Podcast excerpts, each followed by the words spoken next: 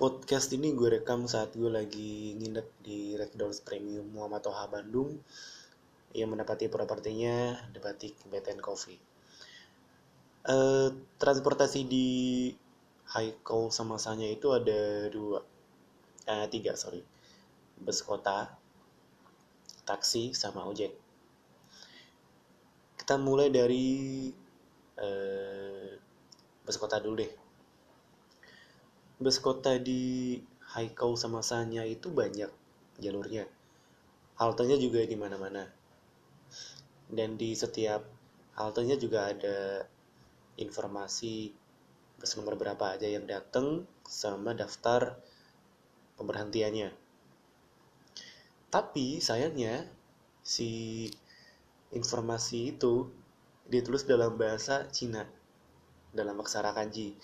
Jadi kalau lu kayak bisa baca hurufnya ya hampir nggak guna sih. Jadi eh, nomor busnya sama rutenya itu dalam bahasa Inggris bahasa Latin. Tapi daftar stopannya itu dalam bahasa Cina. Jadi eh, ini bakal jadi masalah kalau misalnya tempat yang mau kamu tuju itu bukan pemberhentian pertama atau terakhir Soalnya kalau pertama atau terakhir masih ditulis di uh, pakai bahasa Latin. Jadi solusinya ya lu harus nanya orang dulu. Entah staff hostel lu atau yang sesama warga yang lagi nunggu di halte. Atau uh, nanya di Google Maps. Kalau nanya warga di halte kalau nanya warga di halte ya lu kayak sapa aja mereka dengan nihao terus lu tunjukin foto atau peta tempat yang mau lu tuju. Nah karena di maps itu kan ada keterangan dalam bahasa lokal juga dalam bahasa Cina. Jadi lu tunjukin terus ntar mereka bakal kasih tahu bus mana yang bener buat lo naikin. Nah makanya buat bisa sampai ke tahap ini lo minimal udah tahu halte mana yang harus uh, lo tuju. Karena kalau misalnya halte itu bukan halte yang pas lo nggak akan ngerti ketika si warganya berusaha buat nunjukin halte yang bener. Kayak waktu gue dari hostel mau ke Haiko East Railway Station. Sama orang hostelnya gue disuruh naik dari halte di sebelah ini pokoknya naik bus 44 tapi setelah gue cross check ternyata bus 44 itu bukan bus ke Haiko East Railway Station. Jadi gue samperin warga lokal gue tunjukin di maps terus dia klarifikasi kalau bus yang benar itu bus nomor 11 dan stopan terakhir. Gitu misalnya. Busnya sendiri udah enak udah ber AC bisa cashless tapi cuman bisa pakai Alipay sama WeChat Pay yang mana kita nggak punya. Kita kan cuman biasa pakai punya GoPay atau OVO kan atau Dana. Jadi uh, ya most likely buat turis kayak kita bakal bayar pakai cash. Di Haiko itu tarifnya murah banget. Satu yuan ke mana-mana cuman beberapa bus aja yang eh, tarifnya nggak segitu tapi tetap murah. Kayak misalnya bus dari airport ke pusat kota itu 6 yuan 12 ribu. Tapi bus-bus yang lain bus yang di dalam kota itu murah banget ke mana-mana cuma satu yuan. Jadi lu nggak harus mikirin ongkos kalau di Haiko dan nggak ada konektor jadi lu tinggal masukin uangnya aja tapi kalau desainnya desainnya itu banyak bus yang e, tarifnya beda-beda tergantung jarak. Dan ada konektor mbak-mbak cewek gitu. Ya iyalah mbak-mbak cewek. E, mbak-mbak yang dia pakai selempang kayak semacam mis-misan gitulah. Nanti dia bakal tanya lu mau ke mana? Terus dia kasih tahu lu harus bayar berapa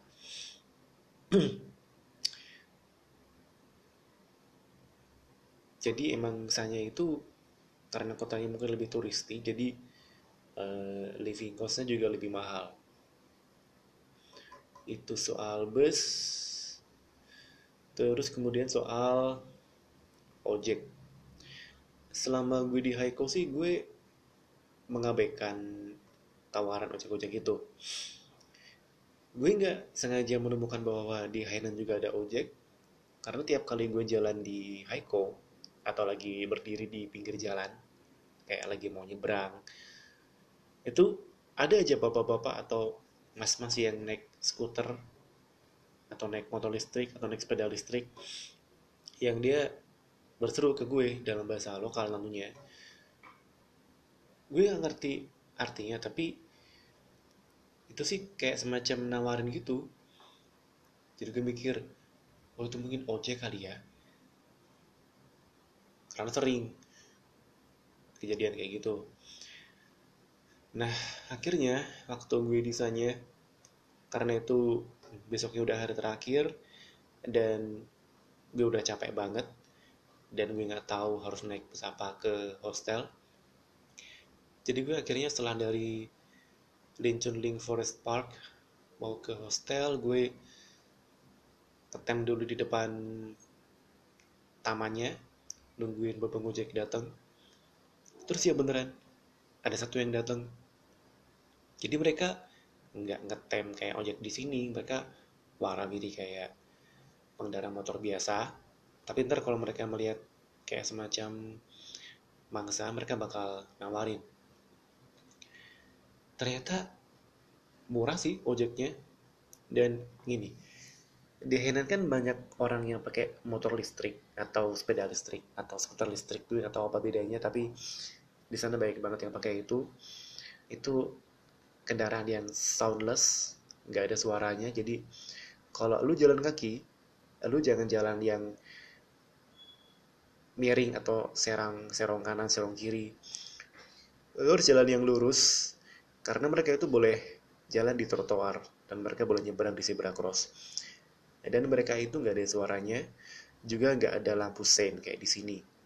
Jadi kapan pun lo mau nyebrang atau belok lo harus lihat kanan kiri depan belakang. Make sure nggak ada motor yang mau nabrak lo. Karena mereka sekali lagi gue bilang nggak ada suaranya dan mereka pada ngebut. Emang agak-agak scary sih buat yang first timer kayak gue kemarin. Jadi eh, makanya naik ojek di Henan ini kayak jadi semacam local experience yang wajib lo coba. Terus ya setelah gue naik rasanya emang enak banget sih. Sejuk. Terus eh, pengendara motor di sana tuh kayaknya gesit banget kalau jalan. Kayak sat sat sat sat. Was bus was bus waktu gue ngeliatin saat jalan kaki kayaknya enak banget. Pengen deh gue cobain. Akhirnya berhasil gue cobain di hari keempat bisanya. Itu dari Lincoln Link Forest Park ke hostel tarifnya 20 yuan 40 ribu. Gak gue tawar sih karena masih sesuai budget jadi gue langsung naik.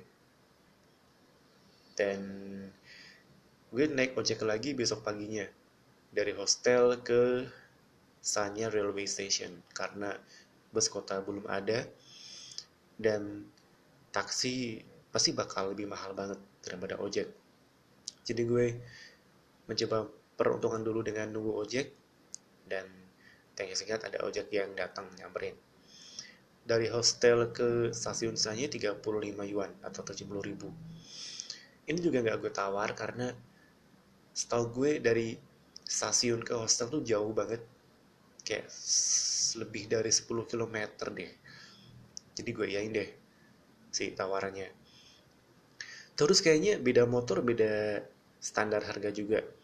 Yang pas dari Lincoln Link Forest Park ke hostel itu motornya agak gede. Kalau di sini kayak NMX gitu kali ya. Sementara yang dari hostel ke stasiun Sanya itu mungkin lebih tepat sepeda listrik kali ya karena dia agak kecil dan kecepatan maksimalnya nggak sekencang yang gue naikin di malam sebelumnya. Jadi kayaknya beda motor beda standar harga juga kali. Tapi ternyata setelah gue naik ya ojek dari hostel ke Sanya ini si bapaknya kayak punya trik buat mangkas jalan. Jadi dia uh, kami sempat beberapa menit jalan melawan arah terus bentar kemudian udah nyampe di depan stasiun.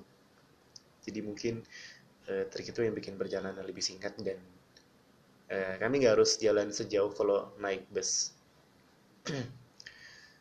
Nah di Haiko itu ada kereta komuter. Namanya Haiko Suburban Train. Itu juga baru di launching. Tapi sayangnya di mesin tiketnya nggak ada opsi bahasa Inggris. Dan pembayarannya nggak bisa cash kayak mesin tiket di kota-kota lain. Cuman bisa pakai Alipay, WeChat Pay sama bank lokal mungkin. Pokoknya gue sempet nyoba udah berhasil sampai ke tahap terakhir. Tapi di tahap yang terakhir itu yang kayaknya tahap pembayaran gue bingung gue nggak bisa menerka ini mesinnya ngomong apaan. Tapi gue masukin kartu ATM gue dari bank mana pun gak ada yang bisa masuk dan akhirnya gue gagal buat cobain si kereta ini. Padahal udah antusias sih buat cobain. Karena keretanya tuh bagus. Bentuknya kayak kereta cepat. Jadi ya kayaknya emang si kereta ini bukan dimaksudkan buat turis tapi lebih ke buat warga lokal. Mungkin karena turis di sana itu mostly pakai tour nggak jalan sendiri. Nah terus bisanya bisanya itu waktu gue sampai bisanya dari Haiko naik kereta cepat begitu keluar stasiun itu di pelataran stasiunnya langsung ada halte bus dan pemberhentian tram. Tram tahu kan tram? Yang kayak kayak perpaduan kereta sama bus yang jalannya di rel. Nah jadi ternyata saya udah jadi jalur tramnya sejauh 6 km dari stasiun ke Jiefang Street. Cuma sayangnya belum dibuka buat komersil, buat umum. Masih tahap uji coba aja. Dan waktu itu juga belum bisa gue cobain. Tapi kayaknya sih yang tram ini uh, juga menyasar ke turis, karena saya kan lebih turisti. Jadi ya mungkin next time ketika kamu ke Sanya, Hainan, si tramnya udah beroperasi secara normal jadi bisa kamu coba tramnya tram modern kok bukan tram lawas kayak di Hong Kong gitu. Enggak tram modern kayak yang ada di Eropa. Dan fase pertamanya cuma sampai Jiwang Street tapi nanti si pembangunannya bakal dilanjutkan sampai lebih panjang itulah. Ya ini lumayan sih. Jadi lu nggak harus bingung lagi buat naik kendaraan apa dari misalnya ke Jiefang Street. Jiefang Street ini kayak semacam jalan utama kawasan turisme, banyak uh, pertokoan, bangunan tua, dekat Sanya River, dan dekat sama beberapa tempat wisata lainnya. Dan dari sini banyak bus kota buat ke banyak tempat. Oke, okay, gue nggak cobain taksi di sana, jadi kayaknya sampai di sini pembahasan tentang transportasi umum di Hainan khususnya di Haikou sama saja jadi e, dari dan ke bandara itu harus naik bus. Busnya jalur apa tanyalah sama orang hotel lu mereka pasti bakal bisa bantu. Dan buat ke mana-kemananya kalau lu bingung naik ojek aja udah. Murah kok. Gak akan terlalu menguras pengeluaran lu. Apalagi di sana yang tempat wisatanya berjauhan. Sementara kalau di Haiko itu deketan. Jadi kalau di Haiko itu lu bisa seharian explore Haidian River uh, Chilo Old, Chilo Old Street People's Park Westlake sama taman-taman di sekitarnya itu bisa seharian kelar. Tapi kalau saya itu mencar dan berjauhan. Oke okay, Thanks sudah dengerin. Sampai jumpa pada podcast berikutnya.